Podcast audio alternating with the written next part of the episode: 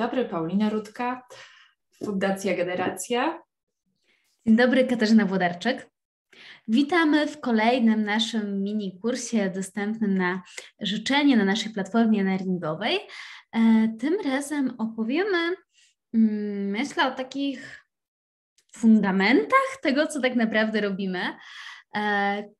Być może zabrzmi to dosyć nudno, być może zabrzmi to bardzo mocno akademicko, ale chciałobyśmy trochę opowiedzieć o takich najważniejszych pojęciach, trochę o definicjach, ale właśnie, żeby Państwa nie zanudzić e, na tym kursie, chciałobyśmy pokazać, że pewne definicje tak naprawdę to są bardzo konkretne wskazówki, bardzo konkretne wręcz wytyczne do naszego działania, które, jeżeli dobrze zrozumiemy, o co w tym wszystkim chodzi, będziemy wiedzieli, co konkretnie mamy robić już w pracy z osobami ze złożonymi potrzebami komunikacyjnymi, bo właśnie zrozumienie e, tych najważniejszych pojęć pomoże nam E, zaplanować cały proces budowania komunikacji, e, jego poszczególne kroki, jak również e, zwróci uwagę na to, mm, o kim w tym procesie powinniśmy pomyśleć. I aby nie było to po prostu akademickim gadaniem, w kursie chcemy pokazać, jak te wskazówki pomagają nam wybrać najważniejsze elementy tego, co będziemy robić, e, planując terapię. E, I od czego tak naprawdę należy wyjść, e, zastanawiając się, jak dobierać narzędzia AAC, zastanowić się już wstępnie, dla kogo AAC wprowadzamy, dla kogo będzie ono przydatnym narzędziem i serdecznie zapraszamy do tego krótkiego kursu webinaru. Myślę, że kiedy mówimy w ogóle o komunikacji wspomagającej i alternatywnej, to takie pierwsze skojarzenie, które może nam przyjść do głowy, że to jest coś takiego specjalnego, to jest jakaś inna komunikacja. I z jednej strony będzie to jak najbardziej trafne e, skojarzenie, chociaż jak zwykle nie do końca. Dlaczego?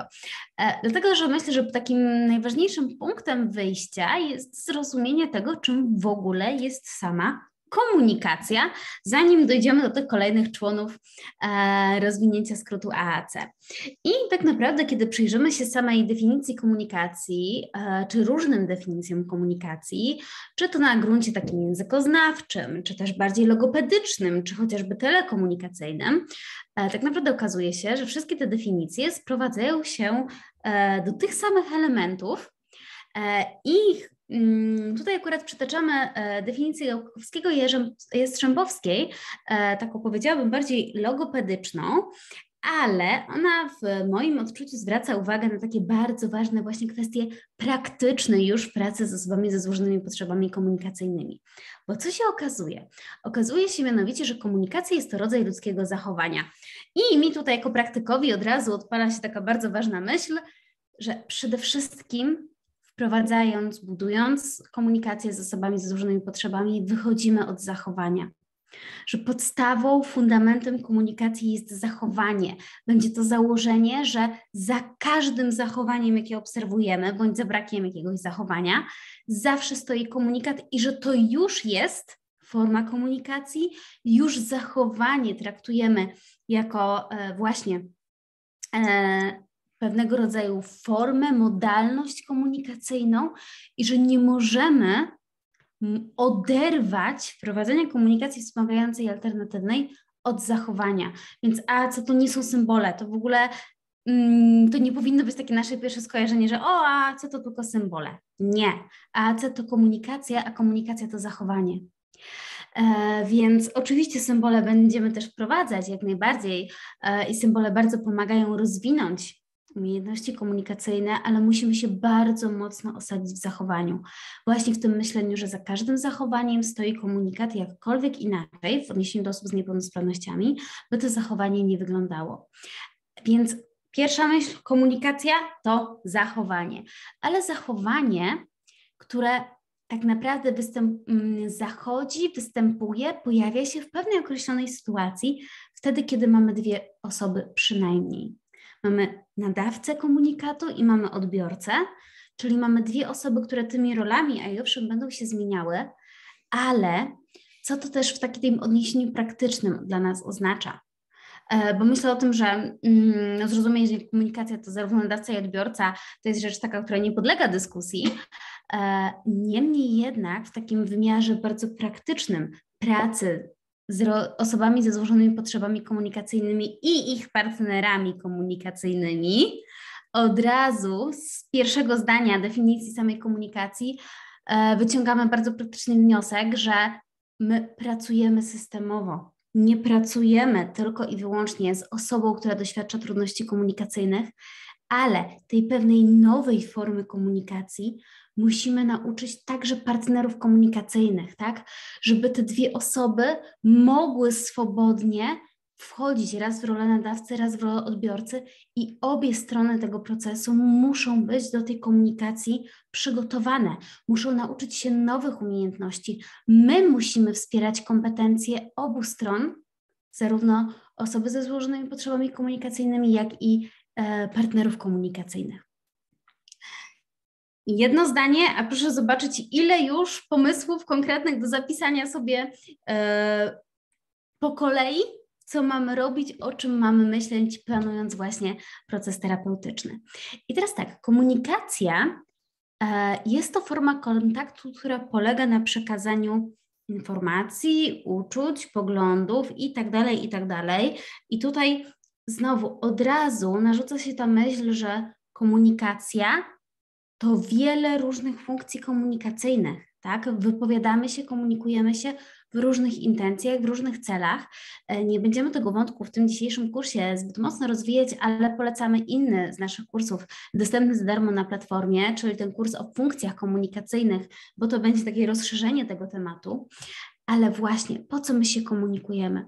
Komunikujemy się dlatego, że nikt nie, nie potrafi czytać w myślach, e, nie siedzimy w myślach drugiej, w głowie e, drugiej osoby, więc musimy się jakoś skomunikować po to, żeby poznać stanowisko, myśli, e, poglądy, refleksje drugiej osoby i żeby za pomocą tego komunikatu wpłynąć na działanie, na myślenie drugiej osoby.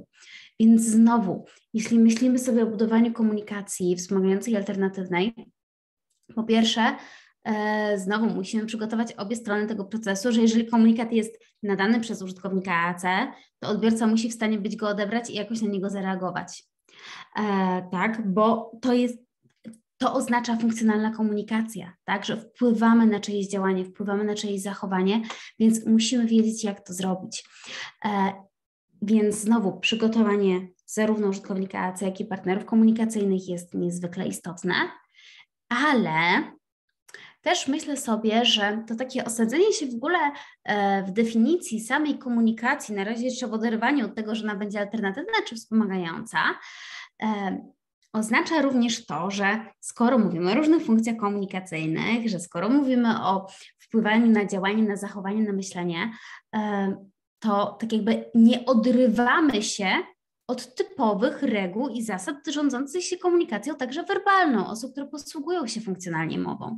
Nie odrywamy się od pewnych norm i standardów w komunikacji, czy to standardów społecznych, czy to standardów takich rozwojowych, co w komunikacji pojawia się na jakim etapie rozwoju tych umiejętności, I chociażby wychodzimy z takiego myślenia, z którym czasami można się e, spotkać, że nie wiem, jak komunikacja alternatywna jest jak maszynka do spełnienia życzeń, że jeżeli użytkownik AC coś zakomunikuje, to my od razu mamy wszystko rzucić i to życzenie spełnić. No nie do końca, to nie tak przebiega komunikacja, tak? Komunikacja to także uczynienie się akceptowania chociażby odmowy tak? Czy tego, że e, czasami nawet w komunikacji werbalnej możemy doświadczać jakichś trudności, nie dogadywać się z kimś, e, więc potrzebujemy nauczyć się pewnych kompetencji, które e, pomogą nam sobie z załamaniami komunikacyjnymi e, poradzić.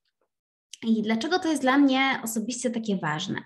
Dlatego, że nawet biorąc, patrząc sobie właśnie na takie podstawowe definicje, modele komunikacji, widzimy bardzo ważne po prostu wskazówki dla nas jako dla acowców. Czyli mamy nadawcę, Mamy tę, powiedzmy, osobę ze złożonymi potrzebami komunikacyjnymi, którą po pierwsze musimy poznać, jeżeli chodzi o jej zachowania, musimy ją poznać, jeżeli chodzi o jej możliwości e, sensoryczne, motoryczne, e, komunikacyjne, czyli wychodzimy od diagnozy, od poznania tych mocnych stron, e, na których będziemy też budować, ale mamy odbiorcę, więc to, co podkreślałam od początku, to jest zawsze proces, który myślimy systemowo o wszystkich uczestnikach tego procesu, czyli i osobach e, korzystających z AC do komunikacji, i o ich partnerach komunikacyjnych.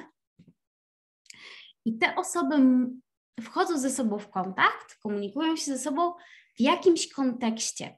I teraz myśląc chociażby o zbieraniu słownictwa dla, do pomocy komunikacyjnej, automatycznie wiemy, i jest to logiczny wniosek, że musimy uwzględnić różne konteksty, żeby pomoc komunikacyjna była funkcjonalna. Czyli pomoc komunikacyjna nie może zawierać na przykład tylko słownictwa potrzebnego w placówce, której przebywa użytkownik AAC, ale musi uwzględniać różne konteksty jego życia, słownictwo domowe, słownictwo potrzebne na terapiach, słownictwo potrzebne na placu zabaw, na hipoterapii, w tych miejscach, gdzie ta osoba jest, uwzględniając te potrzeby językowe, jeżeli chodzi o dobór słownictwa, które odzwierciedlają właśnie ten kontekst funkcjonowania danej osoby. Ale to, co też będzie dość istotne i o tym można posłuchać w innych naszych kursach albo znaleźć na platformie e, e, w, przepraszam, w bazie wiedzy, to będzie taka umiejętność do określenia intencji wypowiedzi, tak? Czy ja w tym momencie o coś pytam, czy ja o to proszę, czy ja coś komentuję, no bo to jest ten kontekst, tak? Więc tutaj na pewno startery zdaniowe e, mogą czasami okazać się być bardzo pomocne. Ale myślę, że to, co jest w ogóle kluczowe, zwłaszcza w tym mm, podejściu do komunikacji wspomagającej, alternatywnej, o jakim my w generacji mówimy, czyli podejściu opartym o zakładanie kompetencji, wykorzystującym e, wspomagany przekaz językowy, czyli to modelowanie, aided language stimulation, to jest uwspólnienie kodu tak? Czyli nie możemy budować komunikacji wspomagającej alternatywnej e, w takim modelu, że partner komunikacyjny nadaje tylko w kodzie językowym, jakim jest mowa, a użytkownikowi AC dajemy książkę do komunikacji i wymagamy od niego, żeby on sam z siebie przekodował mowę na symbole. Puh Trudne zadanie. Dla pewnej grupy użytkowników AAC zadanie, które nigdy nie będzie dostępne. Dlatego, chcąc uniknąć tej konieczności przekodowywania, tłumaczenia języka polskiego mówionego na język symboli, którego byśmy wymagali od użytkownika AAC, chcemy mu tą sytuację uprościć, czyli uwspólnić kod językowy. To znaczy, a i owszem, będziemy modelować na indywidualnej pomocy komunikacyjnej, będziemy modelować na tej książce z symbolami, będziemy modelować my jako partnerzy komunikacyjni na pomocach spisanych po to, żebyśmy mieli ten wspólny kod, który zarówno nadawca, jak i odbiorca, zarówno użytkownik jak i partner komunikacyjny są w stanie zrozumieć i w którym obie strony są w stanie nadawać. To jest niezwykle, niezwykle istotne. Dlatego książki komunikacyjne muszą być rozbudowanym systemem językowym, tak? Bo obie strony muszą być w stanie się e, za pomocą tej pomocy komunikacyjnej porozumieć i nie chcemy stawiać użytkowników AAC w bardzo niekomfortowej sytuacji, kiedy dorastają, słysząc tylko i wyłącznie mowę, ten kod komunikacyjny, jakim jest mowa, a nagle oni mają się posłużyć zupełnie innym kodem, jakim jest książka do komunikacji. No nie, wykorzystujemy obydwa te kody. Wykorzystujemy zarówno mowę, bo mówimy cały czas, ale wprowadzamy ten element modelowania.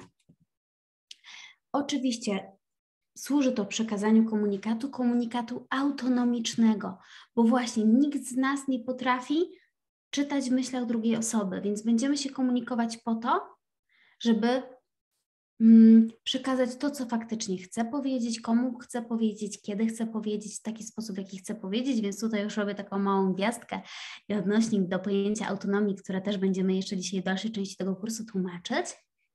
Ale właśnie ważne to jest to, że ten komunikat, który ma przekazać użytkownik AC, ma być jego własnym autonomicznym komunikatem, zgodnym z jego intencją.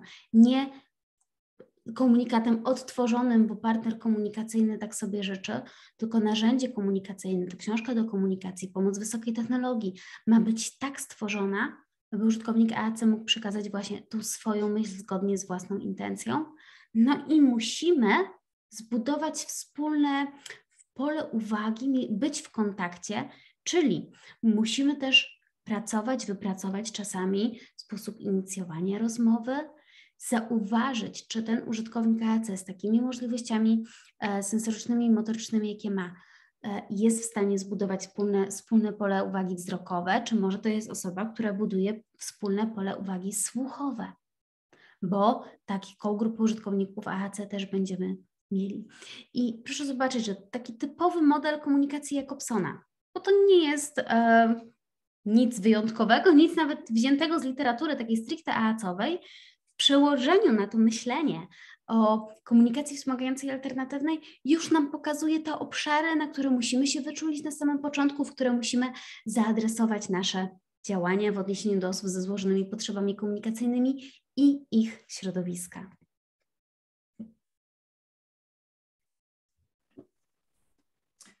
W tym momencie e, dochodzimy do momentu, kiedy poza samym pojęciem komunikacji e, potrzebujemy wyjaśnić e, to, kim jest nadawca i kim jest odbiorca w tym akcie komunikacyjnym.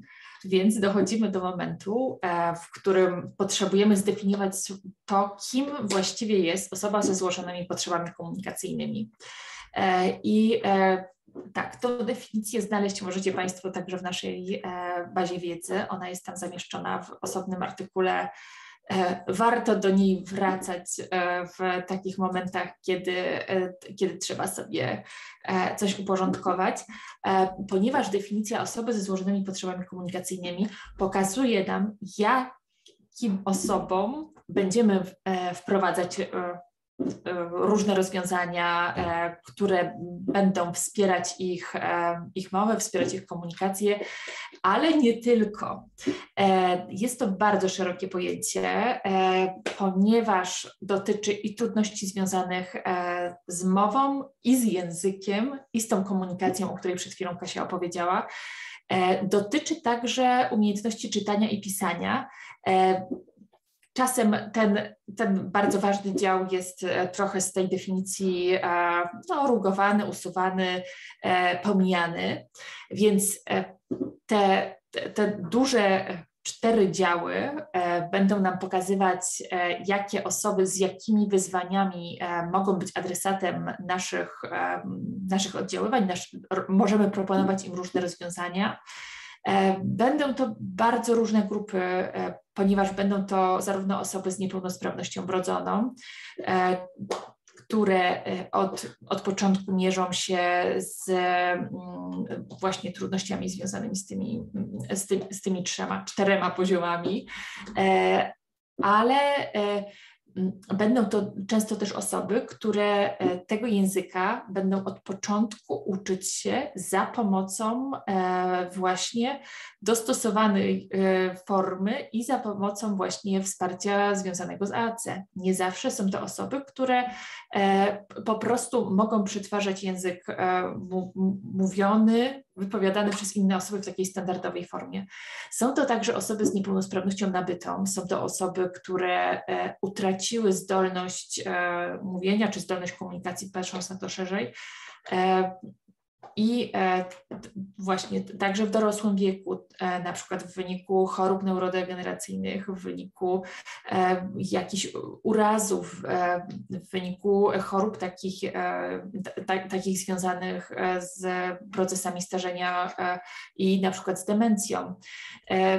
Są to także osoby, które postrzegają, można powiedzieć, w inny sposób naszą wspólną rzeczywistość są to osoby, które inaczej e, rozumieją e, procesy komunikacji, chociaż na przykład posługują się, posługują się mową, mówię, mówią. Będą to osoby z, z spektrum autyzmu, będą to osoby z chorobowymi zaburzeniami widzenia, więc ta grupa jest tak naprawdę bardzo różnorodna. E, możemy startować e, z interwencją e, związaną, związaną z wspomaganiem komunikacji bardzo, bardzo wcześnie. O tym jeszcze za chwilę.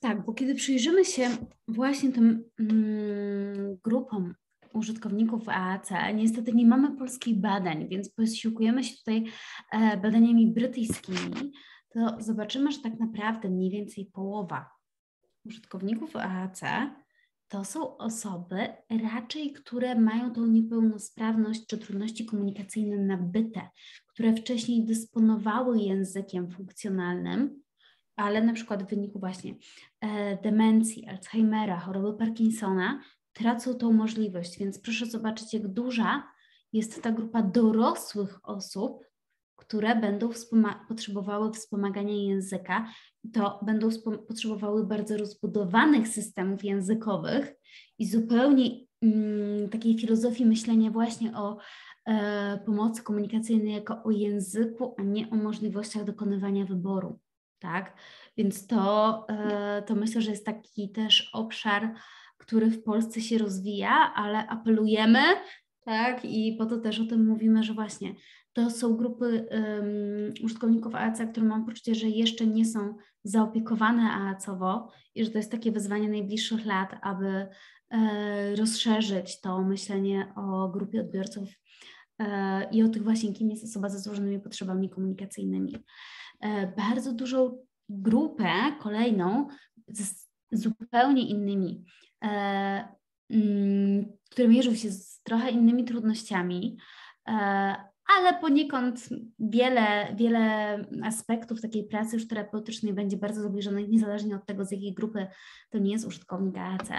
To są osoby w spektrum autyzmu. E, I tutaj myślę znowu bardzo szeroko, że myśląc o osobach z diagnozą właśnie e, zaburzeń w spektrum, e, musimy myśleć zarówno o osobach, które nie posiadają funkcjonalnej mowy, ale także o, o osobach, które na przykład mówią tylko w niektórych sytuacjach, tak? a w sytuacjach powiedzmy bardziej e, stresujących, w sytuacjach, które e, powodują w, e, silniejsze emocje, na przykład wycofują się z mowy i wtedy potrzebują tej e, komunikacji wspomagającej.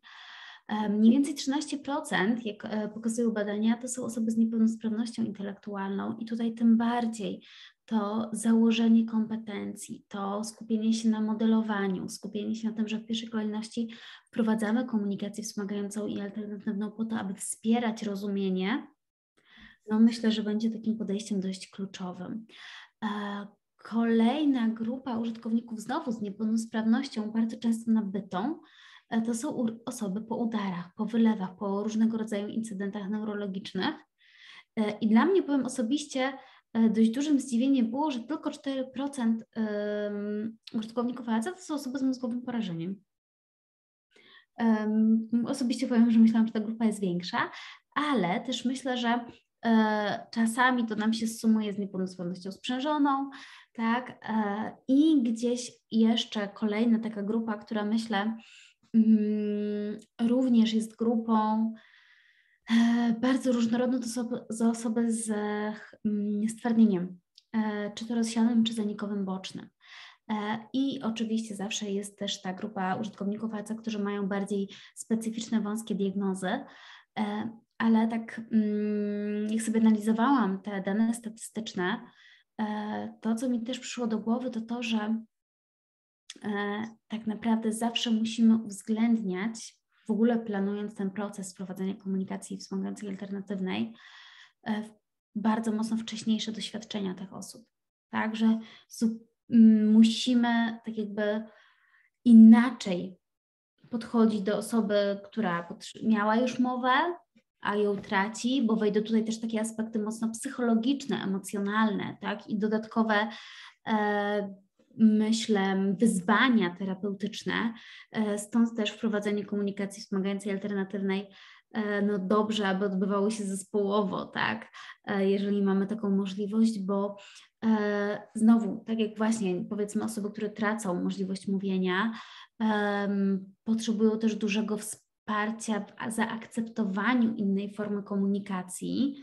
I tutaj chociażby współpraca z psychologiem będzie bardzo przydatna. Tak na przykład osoby właśnie z niepełnosprawnościami sprzężonymi, z mózgowym porażeniem będą wymagały często konsultacji z fizjoterapeutami, z terapeutami widzenia, z terapeutami e, ręki, z optometrystami, tak? Więc znowu każda z tych grup ma też swoją specyfikę pracy.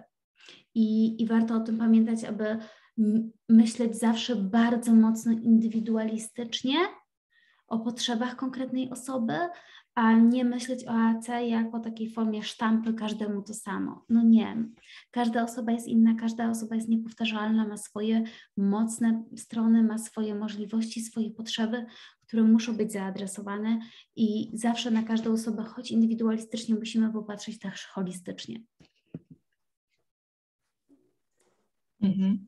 E, tak. E, wszystkie te grupy e, są nie mniej ważne. E, dobrze w procesie własnej e, edukacji też w pewnym momencie e, obserwować, z jaką grupą pracuje nam się lepiej, wobec której grupy nasze, nasze kompetencje są na przykład jeszcze niewystarczające, aby też mieć świadomość tego, że warto pomagać, będąc świadomy tego, jakie, jakie też musi być nasze przygotowanie bo te, te, grupy, te grupy jednak są bardzo różnorodne i myślę, że czasem e, dobrze pytać, dobrze się konsultować w szerszym gronie.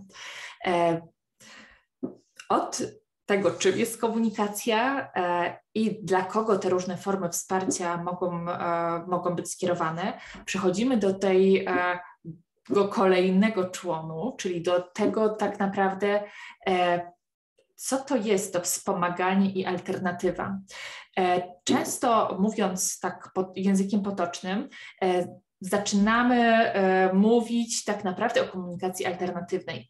Myślę, że nie powinniśmy, zwłaszcza patrząc przez pryzmat tego, że tak jak Kasia przed chwilą wspomniała, niektóre osoby z bardzo dużą samoświadomością będą miały trudność w zaakceptowaniu tego, że nie, mają tylko e, komunikować się w sposób alternatywny, a nie będziemy wspierać tego, w jaki sposób oni mówią. Tu myślę o osobach, które są na przykład w procesie rehabilitacji i e, dalej pracują na tym, by, by, ta, mowa, by ta mowa była. Jest to ważne z, te, także patrząc z punktu widzenia, myślę, emocji rodzica, z punktu widzenia wczesnej interwencji, gdzie często mamy wiele znaków zapytania e, i nie wiemy tak naprawdę, co e, wydarzy się za dwa lata, co wydarzy się w toku interwencji. Więc nie zapominajmy, to są dwa człony, argumentative, czyli komunikacja wspomagająca i ta druga część, czyli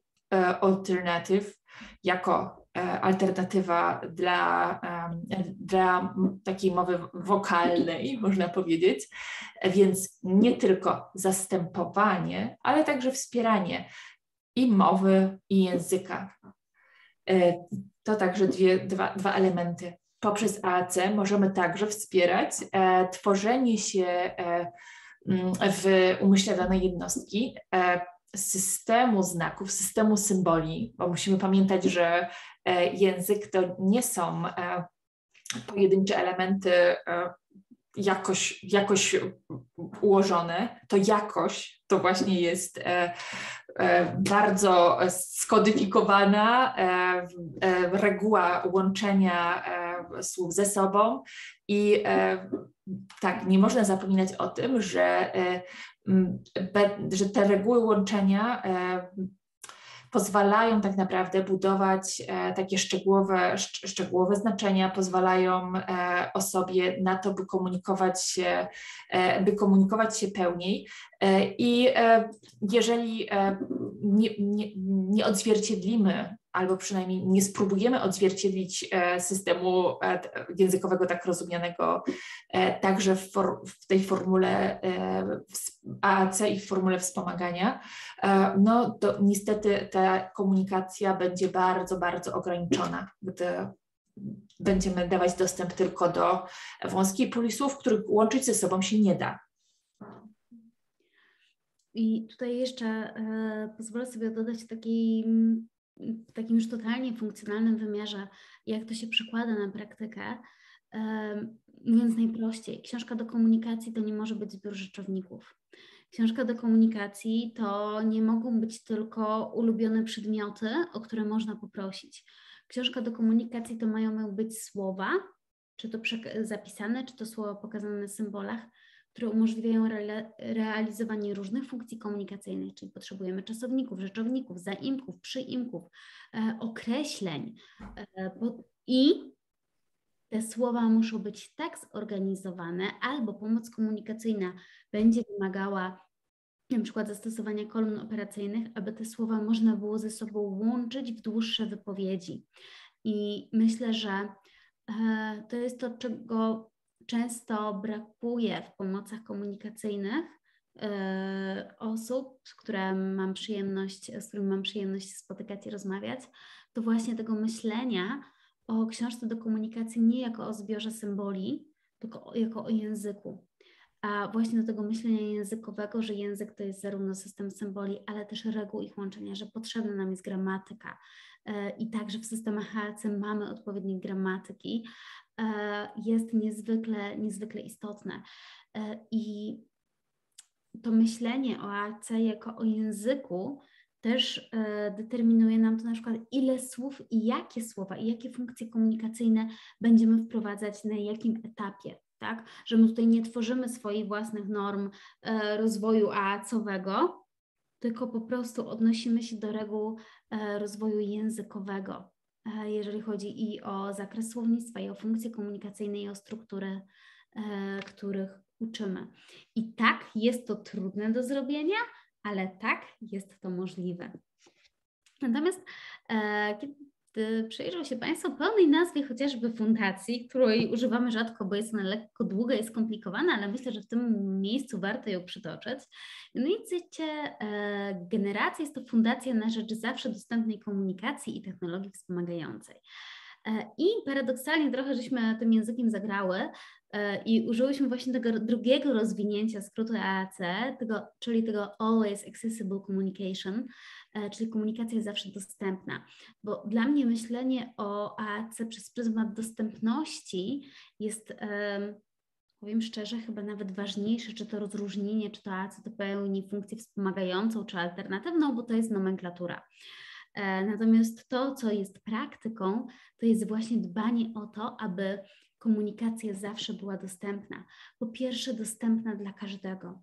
I w tym podejściu, o którym mówimy, podejściu opartym o zakładanie kompetencji, o modelowanie, o language stimulation, każda osoba, niezależnie od stopnia i rodzaju doświadczonych trudności, niezależnie od przyczyn niepełnosprawności, niezależnie od tego, z jakimi umiejętnościami takimi startowymi e, ta osoba nie wychodzi, każda osoba ma podstawowe i niezbywalne prawo dostępu do komunikacji. Więc nie ma czegoś takiego jak gotowość na AAC, nie ma czegoś takiego jak mm, stwierdzenie, że osoba za nisko funkcjonuje, aby mieć wprowadzane AAC. Nie, to jest błąd, jest to mit, jest to e, rzecz, o której chyba musimy mówić bardzo głośno.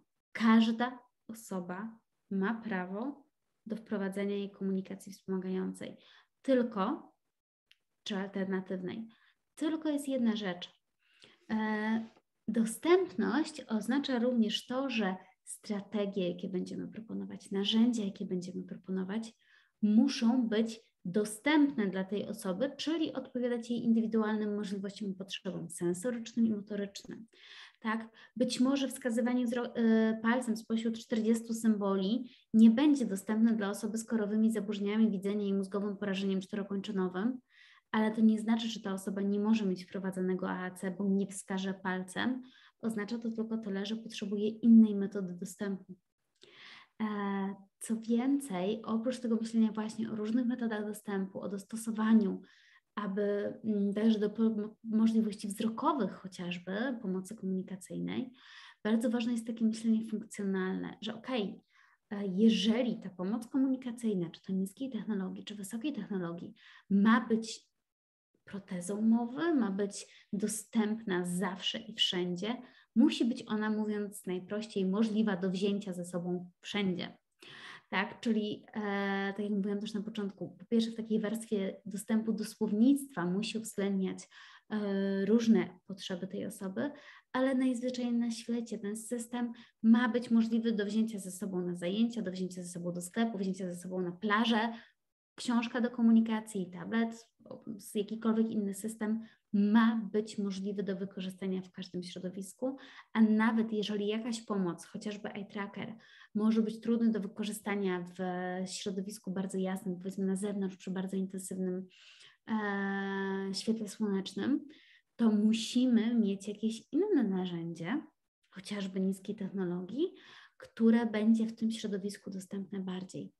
Więc znowu to myślenie o AC to nie jest tylko myślenie o książce do komunikacji, to jest myślenie o różnych strategiach, o różnych narzędziach, w zależności od potrzeb, aby w każdej sytuacji, w jakiej znajdzie się osoba ze złożonymi potrzebami komunikacyjnymi, była w stanie się porozumieć.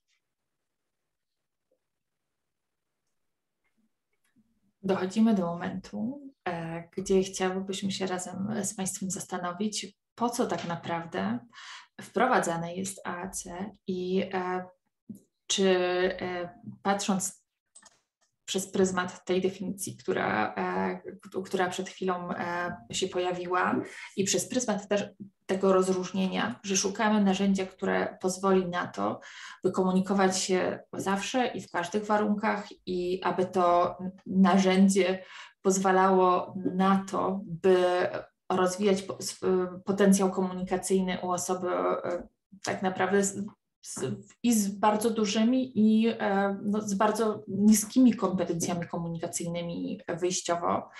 E, warto zastanowić się także, po co to robimy. I tak stawiając to pytanie, myślę, że Często pierwszą odpowiedzią, która, e, która pada, to jest to, no tak, po to wprowadzamy AAC, żeby ta osoba mogła realizować swoje potrzeby i, e, no i, i po prostu dostać coś do picia, dostać przysłowiową szklankę wody, prawda? E, tak naprawdę celem AAC no, jest znacznie więcej. Więc chociaż w takich e, spontanicznych sytuacjach e, mm, ta analogia bardzo działa na wyobraźnię i to właśnie, abym, abym, mógł, e, abym mógł powiedzieć, czego potrzebuję, wręcz myśląc o tych fizycznych różnych rzeczach i fizycznych wzmocnieniach i, no i prośbach. Tak naprawdę celem AAC jest rozumienie tego, co się wokół mnie dzieje, ale z drugiej strony bycie zrozumianym przez otoczenie. I myślę, że e, taka ogromna e, ulga, którą czują osoby, którym po no, różnych, różnych sytuacjach życiowych wprowadzono ostatecznie system AAC, który pozwala im przekazywać własne komunikaty, to bycie zrozumianym wychodzi na, na myślę, na pierwszy plan.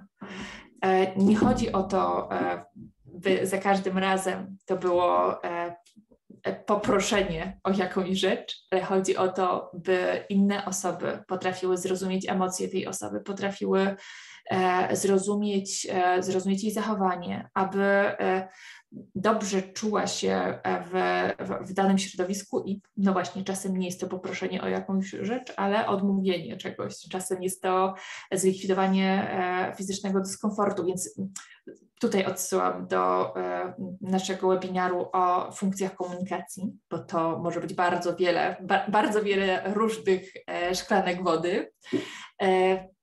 Celem AAC jest e, zaspokojenie różnych potrzeb komunikacyjnych w sposób maksymalnie niezależny. E, zdaję sobie jednak sprawę, że często e, w, odbiorcami AAC, użytkownikami AAC będą osoby o bardzo niskich możliwościach fizycznych, o bardzo, bardzo dużych wyzwaniach, jeżeli chodzi o ruch. Więc ta niezależność nie zawsze jest, e, jest możliwością robienia czegoś fizycznie samodzielnie, ale chcemy zapewnić maksymalną niezależność w wyborze tego komunikatu, e, w nadaniu go w sposób efektywny, to kolejny podpunkt. E, efektywny, czyli taki, który zrozumieją inne osoby, z którymi się komunikujemy. Precyzyjny, aby nie trzeba było zbyt wielu dodatkowych słów, które, e, które wypowiemy, aby już ten komunikat przekazywał to, o co nam dokładnie chodziło. E, aby ten komunikat był e, społecznie akceptowalny, bo myślę, że czym innym jest to, że malutkie dziecko przywołuje drugą osobę, ciągnąc ją za rękaw. Dla dwulatka jest to akceptowalne społecznie, ale myślę, że dyskomfortem by, byłoby, gdyby tak komunikację inicjowała e, no, starsza, już dorosła osoba wobec, e, wobec nieznajomych. Myślę, że e, precyzja tego komunikatu byłaby bardzo niska, co właściwie ta osoba chce, która ciągnie mnie za rękaw. Więc szukamy takiej formy komunikacji, która pozwoli na to, by była to forma społecznie akceptowalna e, i znowu precyzyjna, i efektywna, by te komunikaty docierały do, właściwy, do, no, do, do tego odbiorcy bez zakłóceń. E, I szukamy e, także sposobów e, na to, by ta osoba mogła komunikować się z jak największą grupą osób. Czasem tak, jest to trudne i myślę, że generalnie użytkownicy AAC, no, mówi o tym, nasze doświadczenia mówią o tym także badania, że zwykle pomimo tego, że użytkownicy AAC dorastają, grupa e, ich partnerów komunikacyjnych e, jednak się zawęża, więc szukanie takiego narzędzia komunikacji, które będzie zrozumiałe e, dla szerokiej grupy odbiorców, jest dużym ułatwieniem, że nie ma tam zbyt wielu warunków wstępnych, by tym partnerem komunikacyjnym zostać. To, to też myślę jest bardzo ważne. Tak, czyli tak naprawdę ta autonomia, która staje się takim e, celem długoterminowym e, budowania mm, kompetencji komunikacyjnych z osobą ze złożonymi potrzebami komunikacyjnymi i jej otoczeniem, e, rozumiana jest jako możliwość powiedzenia tego, co się chce, czyli realizacji różnych funkcji komunikacyjnych, tak już myśląc przez pryzmat konstrukcji pomocy komunikacyjnej, tak? Potrzebujemy mieć słownictwo, które umożliwi realizację różnych funkcji, duży dostęp do słownictwa, tak, uwzględniający preferencje tej osoby, uwzględniający język rówieśniczy, o czym mówiła Paulina, język rodzinny. Um, skoro komunikacja ma być precyzyjna, potrzebujemy do tego też precyzyjnych słów. E, co więcej, to mm, myślę, że też ze względu na tą właśnie różnorodność grup użytkowników AAC, ważne jest, aby zadbać o to, by ten język, jaki proponujemy sobie z różnymi potrzebami komunikacyjnymi, e, odzwierciedlał jej wiek, szanował jej wiek, tak? E, role społeczne, jakie ta osoba pełni, więc automatycznie inny język będzie miał 3, latek, inny 13-latek, a inny 33-latek. E, więc ta możliwość powiedzenia tego, co się chce, E, to właśnie na przykład nieograniczanie dostępu do słów tylko dlatego, że my nie chcemy na przykład czegoś usłyszeć. Bo dla nas, jako dla partnerów komunikacyjnych, pewne komunikaty mogą być trudne.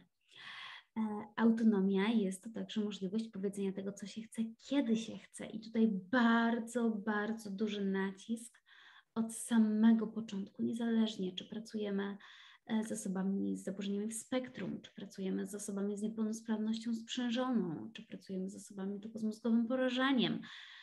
Jest położenie nacisku na to, aby uczyć, bo często musimy tego uczyć, e, społecznie akceptowalnych form zwracania na siebie uwagi, czyli inicjowania. Tak? Że skoro, e, tak jak mówiłam na początku, analizując model Jacobsona, ten komunikat ma wyjść od użytkownika AAC, to on zanim zacznie przekazywać komunikat, musi zbudować to pole uwagi, musi wejść z nami w kontakt, więc musi mieć jak zainicjować, że teraz to ja chcę coś powiedzieć.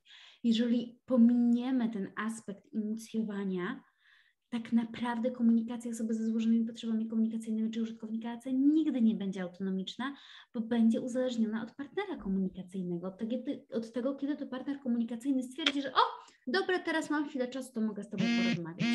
Zupełnie, zupełnie nie o taką filozofię myślenia nam chodzi.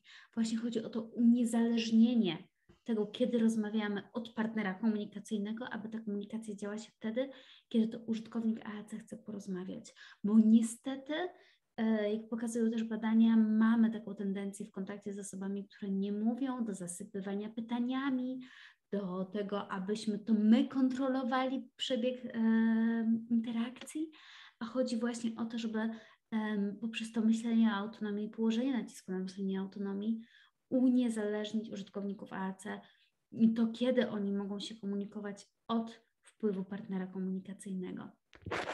E, myślę, że to rozumienie autonomii jako możliwości powiedzenia tego, co chcę, komu chcę, e, no jest proste, logiczne i oczywiste. Tak? Chodzi o to, aby być w stanie porozmawiać efektywnie, dogadać się z jak najszerszą grupą osób. Ale chociaż od samego początku tego kursu też kładziemy taki duży nacisk na to myślenie o przygotowaniu zarówno użytkowników jak i partnerów komunikacyjnych, musimy mieć też z tyłu głowy to, że oczywiście te grupy partnerów komunikacyjnych będą zróżnicowane. Będą osoby, które będą potrzebowały mieć dużo wyższe kompetencje w zakresie chociażby dodawania słownictwa, rozbudowy systemów, niuansów modelowania, tak? czyli ci kluczowi partnerzy komunikacyjni, ale partnerami komunikacyjnymi tak samo będą osoby, które mają sporadycznie kontakt z użytkownikiem AC, tak samo osoby w sklepie chociażby, które będą potrzebowały mieć zupełnie inne kompetencje, które ci powiedzmy bardziej e, kluczowi partnerzy komunikacyjni, też ich rolą będzie poniekąd przygotowanie tych e, mniej kluczowych partnerów komunikacyjnych, aby faktycznie e, dawać i stwarzać takie doświadczenia, okazje, w których to użytkownik AC może rozmawiać z jak najszerszą grupą osób.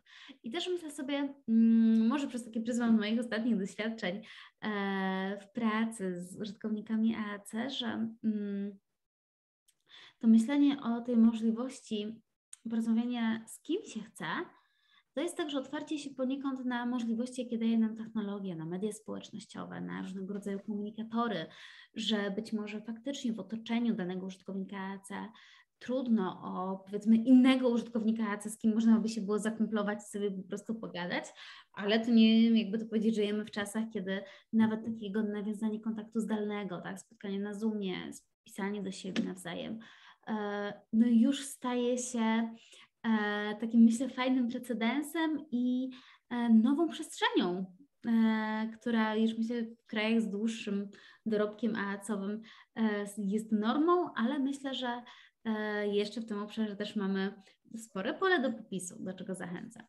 E, I oczywiście ta autonomia jest to możliwość powiedzenia tego, e, co chcę, w jaki sposób chcę. I myślę sobie o tym, że mm, oczywiście na początku to specjaliści, to rodzice poniekąd decydują o tym, jakie słowa wchodzą do pomocy komunikacyjnej, E, co tam będzie. Mm, no bo jakoś tą pierwszą pomoc komunikacyjną musimy stworzyć, ale bardzo serdecznie zachęcam do takiego myślenia, e, że skoro to ma być głos tej osoby, to my bardzo szybko potrzebujemy Mm, podzielić się tą kontrolą nad systemem z samym użytkownikiem AAC jako najlepszym specjalistą od siebie, że to tak naprawdę użytkownicy AAC tworzą swój system, e, że to tak naprawdę użytkownicy AAC decydują, z jakich systemów chcą korzystać, z jakich pomocy komunikacyjnych chcą korzystać, e, jakie słowa tam chcą mieć, a jakich nie, e, jakie funkcje komunikacyjne chcą tam mieć również, tutaj myślę o takich bardziej tam złożonych. Śmieję się dlatego, że właśnie z takim przeuroczym siedmiolatkiem e, prowadziłam negocjacje e, na temat e, zawartości treściowej pewnych wyrażeń, słów i powiedzonek i kiedy można z nich korzystać, bo młody negocjował twardo, co on chce mieć u siebie w systemie i co mu się podoba w zaproponowanym przeze mnie systemie, a co nie. I myślę, że no właśnie to jest świetne. To jest siedmioletni chłopiec z bardzo dużą świadomością swojego systemu, odpowiedzialnością za swój system, E, I do takiego myślenia bardzo chcę zachęcić, ale to myślenie o autonomii jako o możliwości porozumiewania się w taki sposób, jaki chcę, oznacza również uwzględnianie wielomodalności komunikacji. Że chociaż my tutaj mówimy bardzo dużo o pomocach komunikacyjnych, o książkach, o rozbudowanych systemach językowych, to, to jest tylko jedno ze strategii, jedno z narzędzi, które dana osoba wykorzystuje, tak? Bo um, my również komunikujemy się zarówno mową, jak i przekazem niewerbalnym, gestykulacją, mimiką, intonacją, e, postawą ciała, odległością od drugiej osoby. E, tak samo użytkownicy AC mają różne sposoby na porozumiewanie się. Mają strategie, które wymagają większego skupienia i strategie szybsze. E, I tak naprawdę ta autonomia to jest też taka umiejętność, którą rozwijamy dostosowania formy komunikacji e, i wyboru tej strategii komunikacyjnej, którą sam użytkownik AAC oceni, że w danej sytuacji, w której się znajduje, po prostu ta strategia, to narzędzie będzie najbardziej efektywne. Więc znowu nie zawężamy myślenia o AC tylko do myślenia o książce, do komunikacji, ale również o innych strategiach, o wskazywaniu wzrokiem, o nadawaniu znaczenia zachowaniem, o skanowaniu na szybko, e, o prostych wyborach jako tych strategiach, które współtworzą szeroko rozumiany system e, komunikacji wspomagającej i alternatywnej dla osób ze złożonymi potrzebami komunikacyjnymi.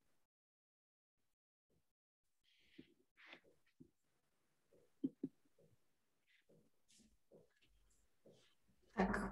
E, chociaż arbitralnie wybrałyśmy te e, podstawowe pojęcia, które e, naszym zdaniem są bardzo ważne, jeżeli chodzi o zdefiniowanie obszaru, którym się zajmujemy, jeżeli chodzi o nakreślenie tego, czym jako specjalista AAC, osoba, która buduje systemy komunikacyjne, osoba, która wspiera rodziny osób, które mają złożone potrzeby komunikacyjne, to myślę, że e, także dla Państwa będzie to praktyczna wskazówka do tego, e, w którym kierunku po pierwsze idziemy, co jest celem AAC, a co e, zostawić możemy sobie na później.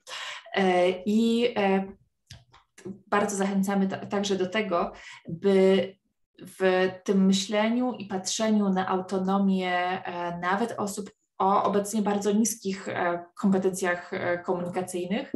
E, cały czas ta autonomia była naszym, naszym, wiodącym, naszym wiodącym celem, wiodącym zadaniem i by nie zniechęcać się, nawet jeżeli nasza praca idzie bardzo, bardzo małymi kroczkami. Tak, i myślę, że o tych podstawowych pojęciach autonomii, E, czy o modelowaniu, o którym dzisiaj nie mówiłyśmy, bo to jest dużo większy temat, ale też sporo mówimy e, w um, nagraniach z piątkowych live'ów, czyli z tego um, projektu Pora Pogadać. I gdyby ktoś chciał posłuchać sobie więcej o tych tematach, które dzisiaj wyłącznie tak zarysowałyśmy, E, to zachęcamy do wejścia na naszą stronę internetową www.generacja.pl. E, w zakładce nasze działania będzie ten projekt Pora Pogadać e, i tam są wszystkie nagrania wszystkich live'ów wcześniejszych. Zachęcamy do pogrzebania w bazie wiedzy, dlatego że te wszystkie definicje, które przytaczałyśmy, tam są właśnie zapisane, więc można się też do nich odnieść. Jak również zachęcamy do tego, że e, jeżeli mm, po obejrzeniu tego dzisiejszego kursu pojawiają się Państwa jakiekolwiek pytania, wątpliwości, e, albo mm, zastanawiacie się Państwo, jak pewne rzeczy po prostu przenieść na praktykę, E, zachęcamy do bezpośredniego kontaktu z nami, czy to mailowo, generacja przez 2a, e, małpa.gmail.com, czy przez nasz page na Facebooku, Messengerem, czy chociażby na stronie internetowej podane są wszystkie inne namiary do nas bezpośrednio i taka forma kontaktu też jak najbardziej jest, jest możliwa. I dziękujemy tym wszystkim z Państwa, którzy właśnie po kursach do nas piszą, którzy dzielą się swoimi spostrzeżeniami po tych kursach dostępnych na naszej platformie learningowej e, i cieszymy się, że e, jakkolwiek czasami z bardzo odległych stron Państwo jesteście, to właśnie dzięki tej technologii chociażby e, jesteśmy w stanie być ze sobą w kontakcie i oczywiście zachęcamy do zapoznania się także z tymi kursami dostępnymi na życzenie na platformie E, zarówno bezpłatnymi, jak i tymi z opcją z zaświadczeniem bądź bez zaświadczenia. Także mm, mamy nadzieję, że ten kolejny z naszych kursów e, jest taką kolejną cegiełką, którą dokładamy Państwu do tego szerokiego patrzenia na komunikację wspomagającą i alternatywną i że e, te pewne aspekty praktyczne uda się Państwu przełożyć na to, co dzieje się na co dzień, bo taki był chyba w sumie nasz cel.